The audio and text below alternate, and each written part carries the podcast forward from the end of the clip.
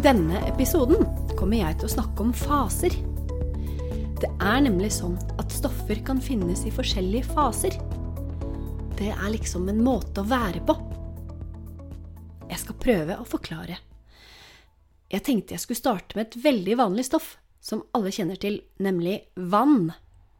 Når du tenker på vann, så tenker du nok på det som kommer ut av vasken på kjøkkenet, eller i dusjen, eller i havet når du skal bade. Vann er flytende. Men det stemmer jo ikke alltid. Flytende form er kun én av fasene som vannet kan være i. Vann kan også være steinhardt, et fast stoff. Skjønner du hva jeg tenker på? Ja, nettopp. Vann kan jo være is. Men visste du at vann også kan bli til en gass? Altså en usynlig gass som liksom flyter rundt i lufta? Denne gassen kaller vi for vanndamp. Når du ser en kjele med vann i koke, så ser du at vannet blir forvandlet til gass. Så dette er også de tre fasene vann kan være i. Gassform, flytende form og fast form. Og det som er ekstra spennende, er at vannet skifter mellom disse formene stadig vekk. Hvis du f.eks. drikker et glass vann med isbiter i, så ligger jo ofte isbitene igjen i glasset når du er ferdig. Men hva skjer etter en stund? Jo, isbitene blir jo til flytende vann. Eller på våren, før det blir skikkelig varmt, så kan jo snøen smelte og lage vanndammer og våte gater.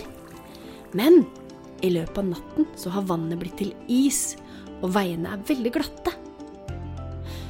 Så hva er det egentlig som skjer? Hva er det som gjør at vannet skifter fase? Jo, det er jo selvfølgelig temperaturen som gjør det. Når vann er i romtemperatur, så er den gjerne i flytende form.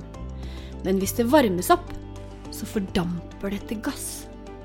Og hvis det blir under null grader, så blir det til is. Vann har et kokepunkt på 100 grader. Det betyr at når det er 100 grader, så begynner vann å koke. Og det begynner å stige bobler opp med damp fra vannet. Og det blir til vanndamp. Setter du et glass med vann på kjøkkenbenken, så vil vannet også fordampe. Men det tar bare mye lengre tid. Men står glasset der lenge nok, så vil faktisk alt vannet i glasset forvandles til vanndamp. Når vann endrer seg fra flytende til is, så sier vi at vannet fryser.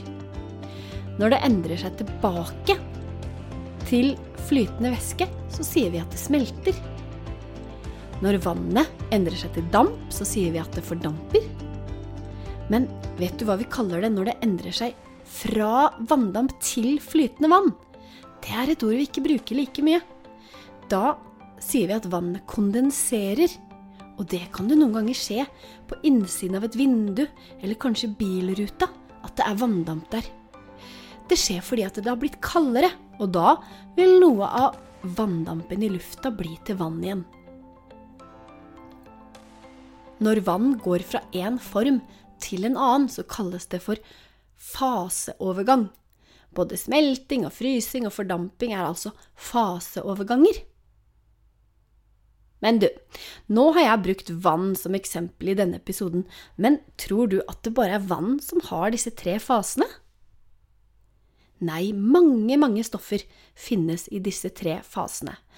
Og hvis vi ser på grunnstoffene våre, så finnes de fleste i både gassform, fastform og flytende form. Vi kan eksempel se litt på jern.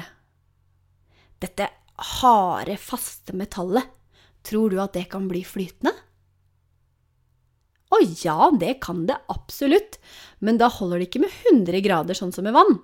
Da må temperaturen skrus opp, og det må bli 1500 grader hvis jern skal smelte. Jern har i lang, lang tid blitt brukt til våpen og verktøy, og da har man smeltet det og støpt jernet i forskjellige former. Men hva med gass, da? kan jern Altså, jern kan vel ikke bli til gass? Å jo da, det kan det, men det må bare bli så innmari varmt. Det må bli 3000 grader for at jern skal fordampe til gass. Så du skjønner, det er forskjell på hvor lett stoffer blir flytende eller i gassform. Men det spørs bare på temperaturen. Så kan alle stoffer oppnå de tre fasene. Det er nok for denne gang. Nå vet du litt om fasen et stoff kan ha. Men stoffer kan også blande sammen og slå seg sammen, og det skal jeg prate litt om i neste episode.